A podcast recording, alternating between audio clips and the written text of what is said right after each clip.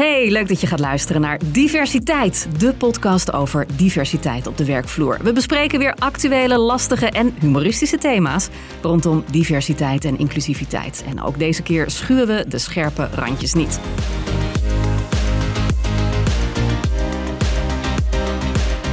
Deze keer duiken we onder andere wat dieper in de cijfers met een van de experts op het gebied van arbeidsmarkt en recruitment data. Want hoe staat Nederland ervoor als je kijkt naar de rest van Europa? Wat gaat er goed in Nederland qua diversiteit en waar valt nog winst te behalen? En hoe pakken we dat aan? Mijn naam is Hannelore Zwitserloot. Naast mij zitten Okko Leiding, managing director van Harvey Nash Nederland. En Renzo Deurlo, oprichter van Green Fox Social Return. Welkom weer, eh, heren. Dank je. Jullie Dank. praten ook weer mee vanuit jullie bedrijf en jullie eigen ervaringen natuurlijk. En deze keer is onze gast Geert-Jan Waasdorp. Hij is directeur en oprichter van Intelligence Group. Dat is een internationaal data- en techbedrijf op het gebied van arbeidsmarkt en recruitment data. Zij verzamelen en verrijken arbeidsmarktdata en zijn hiermee marktleider in Europa. En Geert-Jan organiseerde al jaren geleden, in 2004, congressen onder de noemer Kleur. En hij heeft ook diverse boeken geschreven, waaronder hoe vind ik een baan en bouwen aan een nieuwe employer brand? Dat zeg ik goed allemaal, hè? Ja, het is zo'n lange lijst. Ik probeer het samen te vatten, hè? Ja, dat doe je goed. Allereerst, Geert-Jan, wat, wat is volgens jou diversiteit? Ja, diversiteit, daar kun je heel veel definities aan hangen. Uh, als ik hem pak vanuit de wereld van recruitment of hoe wij onze datavragen uh, krijgen, dan nou, is het een bescheiden vraag hoe kunnen we meer mannen of vrouwen vinden in, onze, in de doelgroep die we, die we zoeken, uh, omdat een bepaalde groep ondervertegenwoordigd is. Maar het kan ook zijn, we zoeken meer mensen met een kleur of met een andere culturele achtergrond of soms met een hoofddoekje. Of, uh, dus het heeft, het heeft heel veel verschillende dimensies, die vraag. Diversiteit, ja, dat raakt heel veel van dat soort datathematieken. Als je het aan mij vraagt, gaat diversiteit letterlijk over gelijkheid, gelijkwaardigheid, gelijke kansen op die arbeidsmarkt, een eerlijke arbeidsmarkt. Dat vind ik, dat vind ik diversiteit. Of in, de, in zoverre, dat zorgt voor diversiteit als je zorgt voor een gelijk speelveld voor iedereen. Ja, je zei net al, het lijkt wel alsof we een handboek uit de jaren tachtig hanteren. Hoe komt dat dat de tijd te, lijkt te hebben stilgestaan? Nou, PNO, uh, recruitment, HR, dat vakgebied wordt gewoon niet serieus genomen. Uh, ik heb zelf in 2016, 17 een, uh, de executive MBA gedaan aan de Rotterdam School of Management. Super mooie MBA. bijna 70 dagen college gehad in, in twee jaar tijd. En het is wel geteld nul keer gegaan over recruitment of PNO, strategic workforce planning. Of, terwijl als je aan de mensen vraagt, aan al die executives die eigenlijk klaargestoomd worden om C-level te, be, te bestormen. Als je aan ze vraagt wat is nou het meest doorslaggevende, wat gaat bepalen of jij succesvol bent, dan zullen ze zeggen talent of gediversificeerd personeelsbeleid. Maar werkelijk waar het gaat over merchants and acquisitions, het gaat over accountant, het gaat alleen maar over cijfers. Uh, en dat soort bedrijfseconomische zaken nooit over mensen. Maar hoe kan dat dan? Ja, geef het antwoord maar. Ik, ja, ik heb daar wel een theorie over, maar dan, dan we zouden, ik, ik hoorde jou net zeggen, we alle scherpe randjes. Nou, dit is de theorie die we de afgelopen weken bij Intelligence aan het toetsen zijn, met collega's en daarbuiten. Ik denk dat het komt omdat de IT-afdeling, de finance-afdeling, de marketing- en salesafdeling masculien gedomineerd zijn en daarmee letterlijk een positie aan de directietafel claimen. Als je de HR-kolom ziet en de recruitment-kolom is hij feminin gedomineerd. En die worden toch wel wat makkelijker met een kluitje het riet ingestuurd. Dus dan ja, denk ik dat ze niet met de vuist op de tafel slaan en zeggen: jongens, als je dit, is, dit vakgebied serieus wil nemen, moet je mij serieus nemen. Daar hoort serieuze investeringen bij. Want dan kunnen we verschil maken. Ik durf te stellen dat daar wel een haakje zit waarom dit vakgebied niet serieus genomen wordt. Tevens moet ik ook wel constateren dat als je de HR-discipline bekijkt, een draaitabel maken in Excel is weinige gegeven, leest niemand. En daarmee verlies je ook eigenlijk elk recht om een gesprek te voeren aan de directietafel. Ja, want hoe staan we ervoor in Nederland? Als we even kijken naar de cijfers hè, qua diversiteit. Hoe presteren we op dit moment? Ja, dat is een vrij. Dat is een, dat, is een moeilijke, dat is een moeilijke vraag, want ook daarin ga je kijken hoe doen de AX-bedrijven het of hoe doet het grote MKB het. Of, uh, dus de, die vraag heeft heel veel verschillende uh, uh, er zijn heel veel verschillende antwoorden mogelijk. Kijk, de werkloosheid onder jongeren met een noem maar even een ander kleurtje, is iets groter dan onder de gehele groep. Maar je kunt ook zeggen, die werkloosheid is nog steeds heel erg laag. Dus daarin doen we het goed, maar relatief doen we natuurlijk, hebben niet alle groepen evenveel kans op die, uh, op die arbeidsmarkt, nog steeds niet. Als je vervolgens kijkt hoe de doorstroom is van, nou ja, vrouwen binnen bepaalde bedrijven, ja, dan blijft daar natuurlijk een glazen plafond en moeten we ons natuurlijk kapot schamen als het gaat over hoeveel, dat nog geen 1 op de 10 CEO's in Nederland uh, vrouw is. Uh, als het gaat om die grote AEX-bedrijven. Uh, laat staan dat ze, wat geloof ik, twee van de 500 Amerikaanse Fortune 500 bedrijven heeft een, iemand met een niet-witte huidskleur als CEO. Kijk, dan praat je over dan, dat, ja, dat, dat is natuurlijk niet goed. En als je kijkt naar Nederland, hè, welke cijfers zeggen volgens jou het meest? Weet je wel, ik denk niet zozeer dat het altijd cijfers zijn die het, die het zeggen, want die cijfers zijn uh, uh, zo laag. Hè? Dus volgens mij moet je het gewoon af en toe ook letterlijk zien in wie winnen de FD gazellen. Uh, welke artikelen staan er in het FD? wie zijn de voorbeelden van succesvolle ondernemers die we, die we, die we zien? Hoe stromen jongeren van het, van het, van het ROC of MBO uh, door in het bedrijfsleven. En, vooral het interessante is, waar zijn ze na 10 of na 15 of na 20 jaar? En dan zien wij ook in onze statistieken dat ze wegvallen. Maar dus- als je kijkt naar uh, jouw opdrachtgevers, ja. dat zijn over het algemeen weer diezelfde blanke, oudere, witte mannen. Doe jij ook onderzoek naar, zeg maar, bijvoorbeeld voor het UWV over de doelgroep die op dit moment zonder werk zit? Zeker, en die cijfers, die cijfers hebben we ook. Mm -hmm. uh, en daar zijn deze groepen natuurlijk in oververtegenwoordigd. En komt daar ook dan weer wordt een marktvraag uit? Voor het, als je kijkt naar, we hebben één hele grote groep die op dit moment uh, de titel heeft afstand tot de arbeidsmarkt, woont in Rotterdam-Zuid of in Utrecht-Overvecht. Maar deze groep heeft bepaalde overeenstemmingen die ze zeer geschikt of talenten heeft, waardoor ze in bepaalde sectoren juist heel erg gewend zijn. Nou, als je nu naar deze arbeidsmarkt kijkt, dan zijn er maar twee skills die alles bepalend zijn. Wil je werken en kom je opdagen. Als je die twee skills hebt, kun je, kan iedereen die een afstand heeft tot de arbeidsmarkt morgen aan de slag. En daar heb je al direct het, het probleem dat een van die twee skills uh, vaak ontbreekt. En dat is vaak nog het opkomen dagen. En vervolgens heb je ook een beperkt sanctiebeleid erop zitten. Al vraag ik me af of sancties altijd zullen helpen. Want sommige mensen met een afstand tot de arbeidsmarkt, of misschien zelfs als je naar de cijfers van Matthijs Bouwman kijkt, het overgrote gedeelte van de mensen met, die een afstand hebben tot de arbeidsmarkt, zullen we waarschijnlijk helemaal niet meer terugzien op die, op die arbeidsmarkt. Omdat die afstand te over, nee. niet meer te overbruggen is met schulden, met uh, andere problematiek die daar speelt. Aan de andere kant, wat is de baan waar ze voor worden gevraagd? Want flauw gezegd, als je mij een nul uur contract geeft en ik mag in de regen verkeersregelaar worden op een druk kruispunt in Amsterdam om de hele dag verrot geschoold te worden.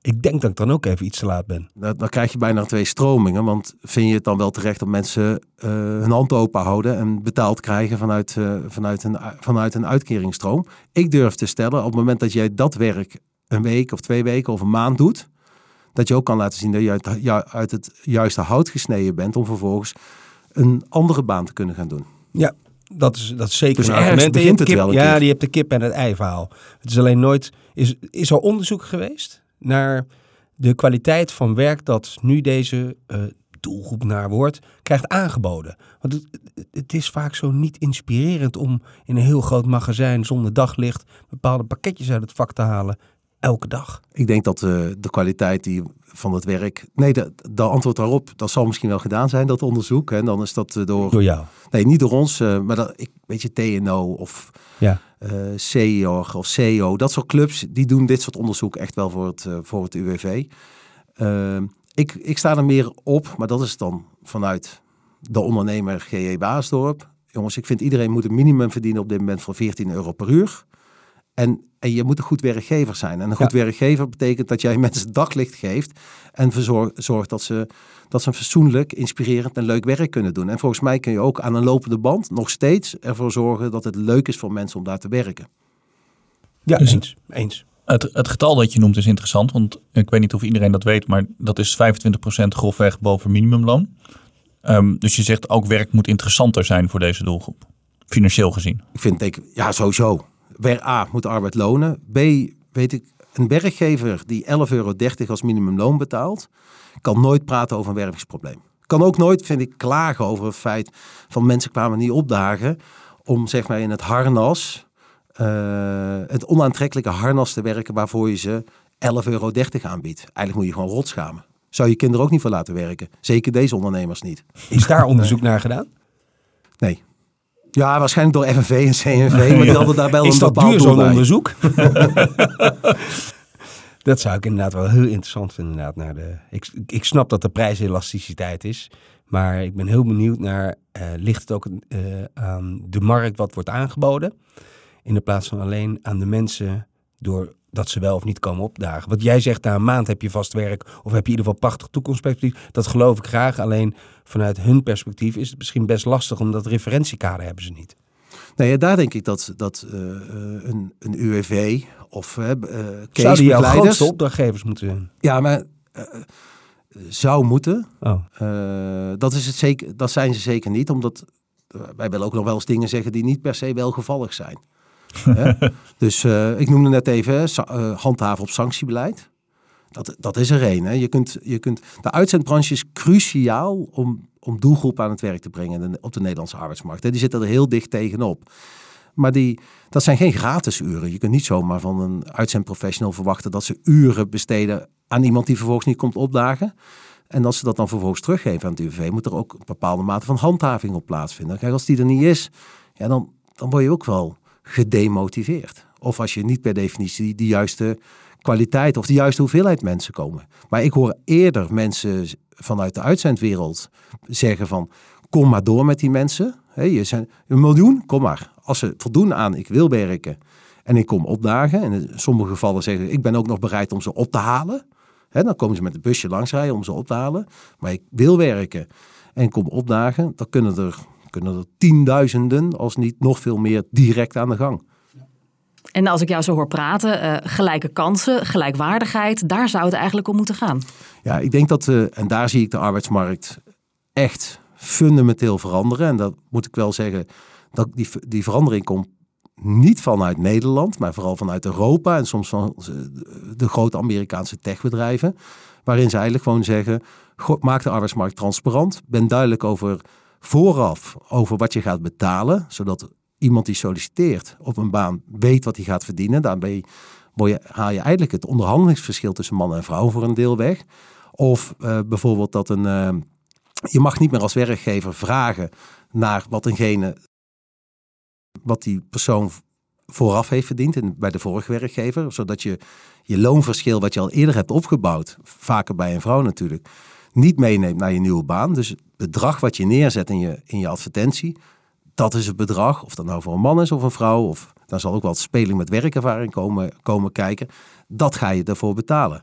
Dan creëer je een eerlijk speelveld mee. En alles wat, die, wat dat speelveld eerlijker maakt, eigenlijk voorafgaand, ja, creëert eigenlijk een omveld waar niet alleen mannen en vrouwen, maar ook mensen met en zonder kleur zich veel makkelijker in bewegen, omdat het helder is waar, waarvoor je gaat tekenen nog voordat je hebt gesolliciteerd. Transparantie dus. Die transparantie en uh, Equal Pay Day hebben we natuurlijk al gehad. Gewoon compleet trans.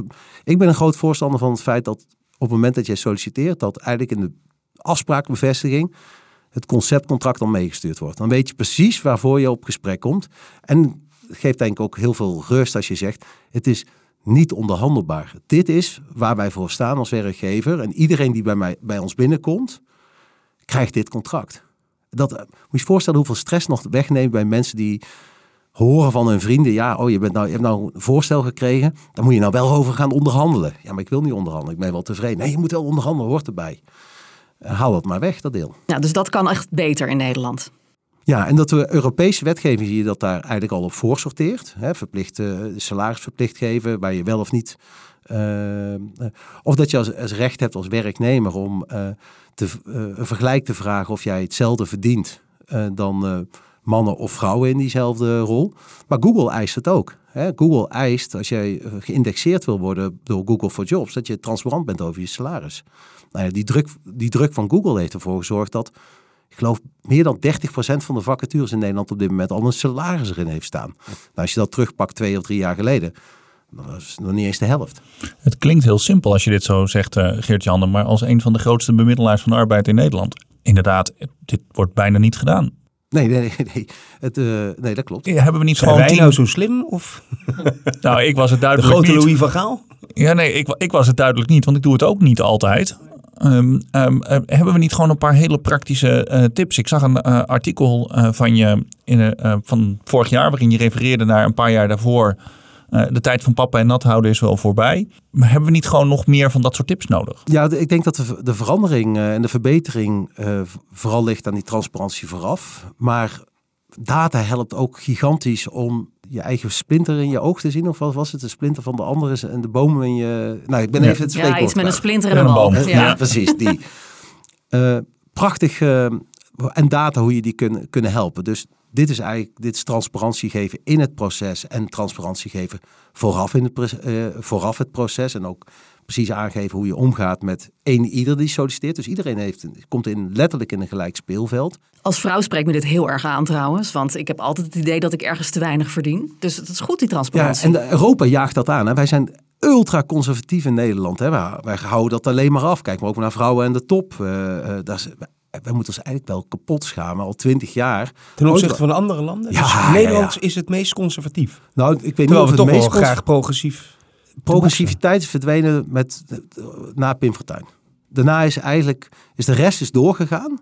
En wij zijn alleen maar, wij zijn eigenlijk vooral in de, of in de stilstand gekomen, of in de achteruitgang En je noemt Pim Fortuyn, en waarom is dat?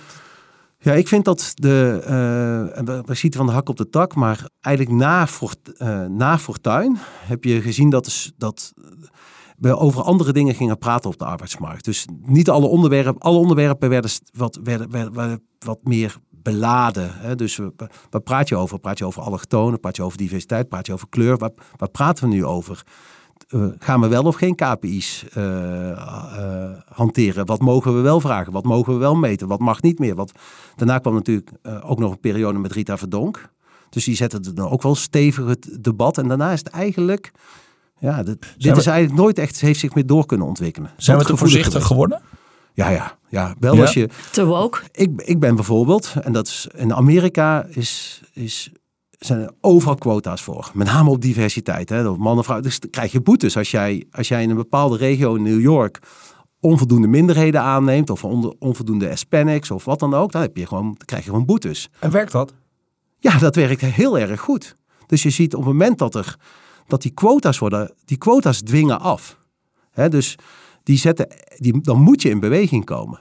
En, en nu zie je, ik las dat vorige week volgens mij in het FD, dat Just, Just Eat weer allemaal schijnconstructies aan bedenken was om te kijken of ze die 30 of 40 procent vrouwelijke commissarissen, of ze daar dan net iets mee konden tweaken om het net wat anders te, uh, te brengen. Vraag me niet meer naar de details. Zeggen, hoe kan je dat tweaken? Ja, dat is met ben een ik een man en s'avonds een vrouw? Of? Nee, eerder benoemen, later benoemen, uh, uh, niet invullen. Maar het feit dat we, daarover, dat we aan, aan, weer aan het denken zijn in de marges... voor iets wat eigenlijk maar voor een heel select groepje bedrijven geldt. Hè? Dus we zijn eindelijk over naar quota's. Maar dan wel voor maar een heel klein deel... de commissarissen van een heel klein deel van de Nederlandse bedrijven. Dat is weer typisch Nederlands. Uh, voer het direct toe. Alle bewijsvoeringen om alle landen om ons heen laten zien dat quota's dwingend zijn voor organisaties en dat ze daar ook naar gaan handelen. Maar Nederland gaat niet mee. En waarom? Ik snap er helemaal niks van. En als je kijkt naar die stijgende de, de cijfers van vrouwen naar de top, ja, moet je toch elk jaar kapot schamen ja. dat, het, dat, er weer drie tiendes bij zijn gekomen. Dat kan toch niet? Dat is toch geen... Uh... Nee, zeker niet als je kijkt naar het aantal vrouwen dat afstudeert. Wat... Nee, ja, dan heb je weer een gender gap. Want er zijn, want, en de gender gap daar is dat Europees gezien 68% van de hoogopgeleiden zijn vrouw. 32, dus het is eigenlijk gewoon met vier dochters snap ik dat natuurlijk. Ja. Dat heb ik mijn aandeel in. En, en, ook, in en ook in Nederland is dat, uh, dat veel meer hoogopgeleide, van de hoogopgeleide veel meer vrouwen zijn. Trouwens ook van de praktisch opgeleide is het ook meer vrouw. Maar mannen zijn, zijn drop-outs. Maar ik wilde even terugkomen op data en data in het proces. Dus we creëren een gelijk speelveld vooraf. Maar dan gebeurt er in het proces nog iets. Dus in het proces zelf ga je door een aantal sollicitatierondes heen. Uh, en dan is het ook extreem belangrijk om te gaan meten met wie jij spreekt. Dus spreek je met mannen of spreek je met vrouwen? Want hier zie je dat je kunt nog wel eens oneigenlijke patronen eh, terugkomen binnen organisaties. Hè. Dus in sommige organisaties dat mannen toch veel makkelijker mannen aannemen. Hè, dat, die klik is er anders. Maar het gebeurt ook nog wel eens dat vrouwen veel kritischer zijn op vrouwen. Dus je zegt, oh ja, maar jij wil vier dagen? Ja, maar ik werk vijf, dus jij gaat, dan, dan, ben jij geen, dan heb jij geen ambitie in je lijf zitten. Dus het, het meten van, van of een vrouwelijke sollicitant gesprekken heeft met, met, dan weet je natuurlijk met wie. En wat de conversieratio's zijn. En die uitsplitsen op, uh, op uh, geslacht. Op etniciteit mag natuurlijk niet. Uh, maar dat goed in de gaten houden. Dan kom je tot behoorlijk pijnlijke confrontaties. Leuk dat je het zegt. Wij, wij, hebben bij ons kantoor laten we een interview altijd doen door drie verschillende mensen. En, uh, en dan heb ik het over verschillend als leeftijd, etnische achtergrond, uh, seksen, alles. Um, en vervolgens gaan die gezamenlijk hun bevindingen delen. En op basis daarvan komt het volgende gesprek. Kan je daarmee, heb je dan bijna alles ondervangen? Of, of moet ik er nog ergens een, uh, vergeet ik iets uh, heel belangrijks? Nou, twee dingen misschien. Eén, zijn ze getraind in het voeren van gesprekken? En twee, heeft iedereen dezelfde, uh, vragen ze allemaal dezelfde skills uit? Dus uh, en hoeft bij de, bij de sollicitant. Hè? Dus heeft iedereen eenzelfde rol naar de, naar de sollicitant. Want anders is het zo dat, dat, ja, dat je de inhoud van de, elk gesprek bij elke sollicitant anders is. En dat het, je wil eigenlijk gewoon dat ze eigenlijk altijd door een bepaald interview onderwerpen heen lopen of skills heen lopen. Nou, dat zijn twee dingen die je daar wel rekening mee moet houden. Dus je moet het zo onpersoonlijk mogelijk maken? Nee, uh, nee, je moet het zo gestructureerd mogelijk maken. Maar dat mag wel persoonlijk zijn. Maar, ieder, maar als ik met jou praat en daarna met Okko praat, is het wel belangrijk dat, wij, dat ik Okko op de exact dezelfde skills, skills toets. En dat ook probeer te objectiveren. Als dat ik met, dat met Hannelore doe. En en ook registreren en, en daarover rapporteren. Zodat niet mijn buikgevoel kan prevaleren. Die zal dan, ik zal altijd wel een voorkeur hebben, dat is niet zo. Maar, uh, maar dat, het, dat ik wel kan zeggen, ja, ik heb deze skills op deze manier uitgevraagd. Daarom ook een goede training nodig. En uh, uh, daar heb ik, op, heb ik hem op, tussen op schaal van 1 tot 5 of 4 of 5 kunnen toetsen. Eigenlijk ga je je eigen buikgevoel, op het moment dat je dat laat spreken, moet je, je ben je in discussie met jezelf ten opzichte van de objectieve meting die je hebt gedaan versus je eigen buikgevoel. En je gaat jezelf dus overtuigen van het ongelijk van je keuze. Ja, je, wil, je, je moet dat objectiveren. Ja. En, en daarmee dus uh, vergelijkbaar maken tussen verschillende mensen. Als je kijkt naar data, hoe zou je dan op basis van data een advies geven om diverser te kunnen worden? Dus een bedrijf vraagt aan jou, Beste Geert-Jan, ik wil graag veel inclusiever, veel diverser worden. Hoe gaan we dat aanpakken? Nou, sowieso keiharde KPI's afspreken, naar bonussen en, en, en je beoordeling om afspreken. Uh, dus een vrouw beter beoordelen dan een man? Nee, nee, nee. Uh, uh, nee de beoordelingscyclus. Dus als ik jou als manager moet beoordelen, dan krijg jij diversity, dan krijg je gewoon diversiteitskengetallen mee. En als je daar niet aan voldoet, ja, dan, dan krijg je of je bonus niet, of lig je eruit. Procter Gamble deed dat al 25 jaar geleden. Dus Procter Gamble zegt gewoon, dit, is, dit zijn de eisen en criteria waar jouw team aan moet voldoen. En daar ben je als, als manager verantwoordelijk voor. Dus als je zegt, wij hebben afgesproken dat 40% van dit marketingteam moet bestaan uit vrouwen. Of uh, een derde heeft een cultureel andere achtergrond. Of, nou ja, maar dat zijn dat harde diversity eisen. Dan moet je team aan voldoen. Zorg je er als manager niet voor dat, dat, dat je dat haalt dan krijg je je bonus gewoon niet. En dat was succesvol bij Procter Gamble? Ja, dat is nog steeds. Maar, ja, zeker, want Procter is denk ik een van de bedrijven op de wereld die daar toonaangevend in is in, in diversity. Maar Unilever net zo goed. Dus dat zijn, dat zijn bedrijven die. Maar, die, maar voor hun is het natuurlijk volstrekt logisch, want zij zeggen: onze, de mensen die voor ons werken, moeten ook een afspiegeling zijn van onze consumenten. Dus daar is. Kijk, als je op de Zuidas zit, daar, daar, daar, geeft vooral de witte bovenlaag van de Nederlandse samenleving elkaar opdrachten. Dus ik kan me voorstellen dat, daar, uh, dat het daar minder uh, uh, speelt. Maar voor een Procter of voor een Unilever, ja, de, de, klanten die gewoon de Albert Heijn binnenlopen, dat zijn hun klanten. Dat moet, dat moet ook een vertegenwoordiging zijn van de mensen die daar werken. Maar wat ik vooral denk dat de KPI's zijn die... Ik denk KPI's kunnen veel, dwingen, veel dingen afdwingen, zeker als je er echt voor gaat. Dus Daarom geloof ik dat de meeste bedrijven met een diversity manager, dat is gewoon window dressing. die, dat is de zoveelste diversity manager die ik die afgelopen 15 jaar binnen heb zien komen. Weet je? En de eerste waarop, stel we in een recessie zouden komen, en flinke, dus dat de eerste, dan gaat dat eruit. Dus er is geen intrinsieke, diepe drive om daar een verschil in te maken. En daar heb ik het meest interessante heb ik dat gemerkt bij bedrijven die zeiden, ja, maar wij willen, Geert, wij willen het nou echt doen. Zeg ik, goed. Jij wil het echt? Ja, echt, echt. Oké. Dan komen we met alle managers komen we samen op de Haagse Hogeschool. Zeg, dan ontmoet je de arbeidsmarkt, de echte arbeidsmarkt. Ja, maar kan het niet bij ons op kantoor? Nee. Jij wil het toch echt? Dan wil ik jou laten ruiken, zien en voelen en proeven hoe de echte arbeidsmarkt is. Nou, als je de Haagse Hogeschool oploopt, maar dat van mij part mag het ook in Holland zijn, dat maakt mij niet uit. Uh, en dat is hogeschool, dus je kan ook naar de ROC's gaan. Ik zeg, als je daar zit, daar moet je je eerste management meeting doen. En dan snap je dat de wereld is veranderd. Dat zie je niet als je je kinderen in, uh, in Amsterdam-Zuid naar school brengt of in het gooien of weet ik in veel je eigen waar. bubbel. Nee joh, dat zie, je, dat zie je nooit. Daar zie je het. Dacht je dat die meeting doorging? Nee. Dus, en uh, er is geen, ik Zonde. geloof, er is geen intrinsieke, er is wel een rationele sens dat er hier iets moet gebeuren. Maar de echte wil om dit te veranderen, Dus afdwingen. Ja, de, dus keihard afdwingen. Ja. Mijn vraag komt uit een andere hoek, eh, Geert-Jan. Je bent, we praten nu met Geert-Jan, de marktonderzoeker, de, de, de man van de kennis. Ehm, maar je bent ook directeur van een onderneming. Hoe match je die twee dingen? Want je ziet het natuurlijk in je eigen onderneming soms ook misgaan of juist heel goed gaan. En, en hoe kijk je daar tegenaan? Nou, ik, ik denk dat ik het meer mis heb zien gaan dan dat het goed is gegaan. Met name als ik uh, ook op internationale congressen was geweest en uh, weer voor de zoveelste keer de bewijzen zag hoe belangrijk het was om bijvoorbeeld uh, veel meer diversiteit te hebben in je organisatie. Dus dat je daar, daar dan expliciet op inzet. En, en misschien is dat, ja, dat is tot op heden niet altijd gelukt of, of goed gegaan. Maar ik moet je wel zeggen, als ik nu kijk naar mijn organisatie, sowieso sinds wij de teksten in onze vacatureteksten veranderen naar hoe belangrijk wij staan voor een eerlijke en transparante arbeidsmarkt, gelijkheid, dat mannen, dat iedereen bij ons hetzelfde contract krijgt. Ja. Zie ik heel duidelijk iets veranderen uh, in, in de solicitatiestroom of in de kandidatenstroom die we, uh, die we krijgen. En dat kan natuurlijk toeval zijn, want dit is NS1, dus uh, dat mag statistisch niet echt maar, maar, ik denk wel dat er een directe relevantie is. Ik zie duidelijk een trendbreuk met datgene wat, er, wat daarvoor was. Ja, en wat, je ook, wat ik ook zie gebeuren is dat we hebben nou echt wel van jong tot oud. Hebben mensen van 19 zitten en van, van 67. Mm -hmm. Dus jong en oud.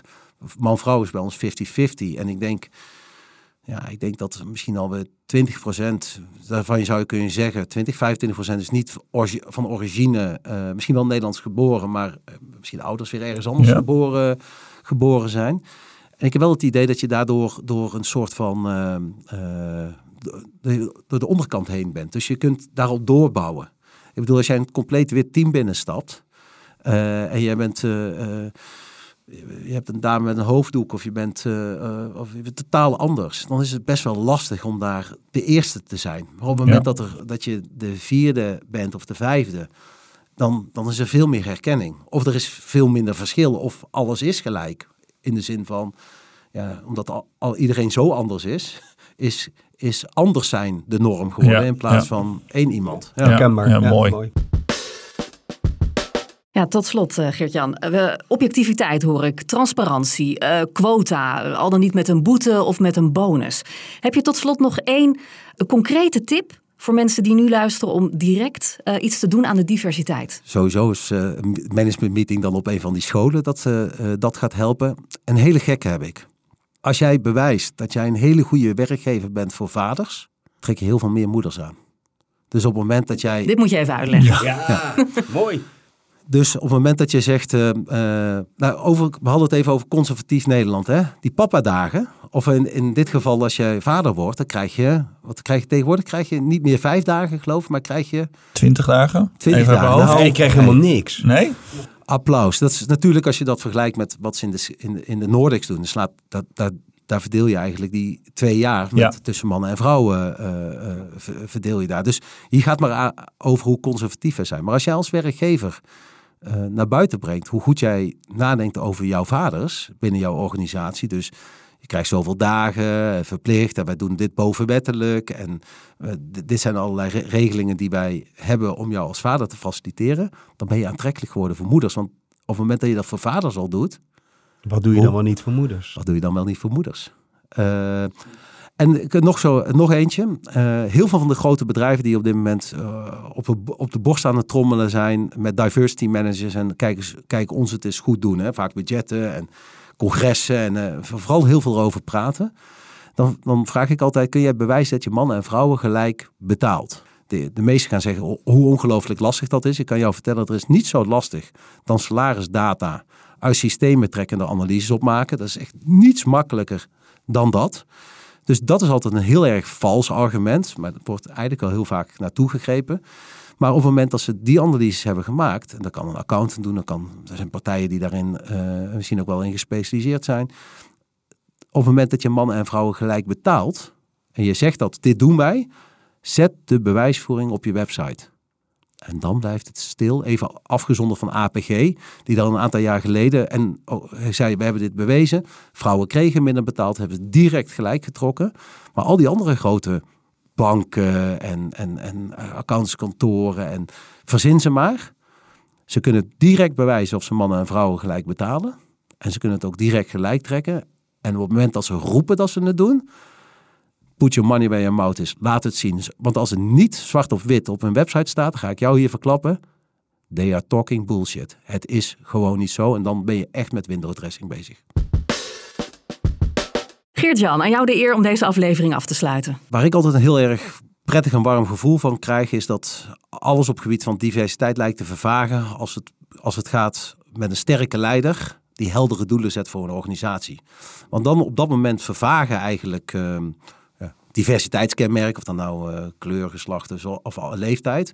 Maar dan worden de doelen het belangrijkste. Of in dit geval een leider, een leider die, die die doelen uitstraalt. Misschien zijn doelen wel belangrijker weer dan de leider, maar die twee die Kan je een vaak- voorbeeld geven? nou ja, ik vind ehm, eh, bij voetbal, hè, dus een, eh, laat het Nederlands elftal pakken. Dat is hoe diverser kan een groep zijn, behalve dat het dan vooral mannen zijn in dit, eh eh, Ja, in ik dit wou net zeggen, maar. Ja. Maar da- daar is iedereen met hetzelfde bezig. Maar kijk het publiek eromheen. Dus het publiek eromheen zijn jong, oud, mannen en vrouwen. En je kunt ook rustig zeggen met Nederlands elftal. Je hebt niet alleen zoveel bondscoaches, maar je hebt ook zoveel supporters. Waar je toch echt altijd gaat over, dan over het Nederlands elftal. En of dat nou Dumfries is of Frenkie de Jong. Het zijn de spelers van het Nederlands elftal. En, en we zien ook niks anders dan meer dan de spelers van het Nederlands elftal. Ik denk dat dat in sport, ik denk sport wel echt het mooiste voorbeeld is. Waarin heel veel kaders wegvallen. Alleen geslacht dan eh, wat, eh, wat lastiger. Maar volgens mij is, komt het omdat vaak dan het doel is volstrekt helder. En vaak heb je ook een leider in een team of een leider als in de zijne een coach of een CEO waar mensen achter, eh, achter willen gaan staan. Ja, en, dat, en dan vervaagt de rest. Dus een gezamenlijk doel en een duidelijke leider. Ik denk dat je daarmee. maar kun je, dat, is, dat is best wel schaars, is dat. Nou, ik, zeggen. ben de Ja. leider van dit gesprek en hierbij besluit ik dat deze podcastaflevering ten einde is. Geert-Jan, bedankt voor je komst en uh, Occo en Renzo ook weer bedankt. En jij bedankt voor het luisteren en graag tot de volgende aflevering van Diversiteit. En de volgende keer is onze gast, advocate Saskia Klingeman. Volg Harvey Nash en Green Fox via de socials. En volg onze podcast Diversiteit via de website, zodat je niks hoeft te missen. En die website is diversiteit.com. En dan schrijf je tijd dus met een dirk aan het eind en een lange ei.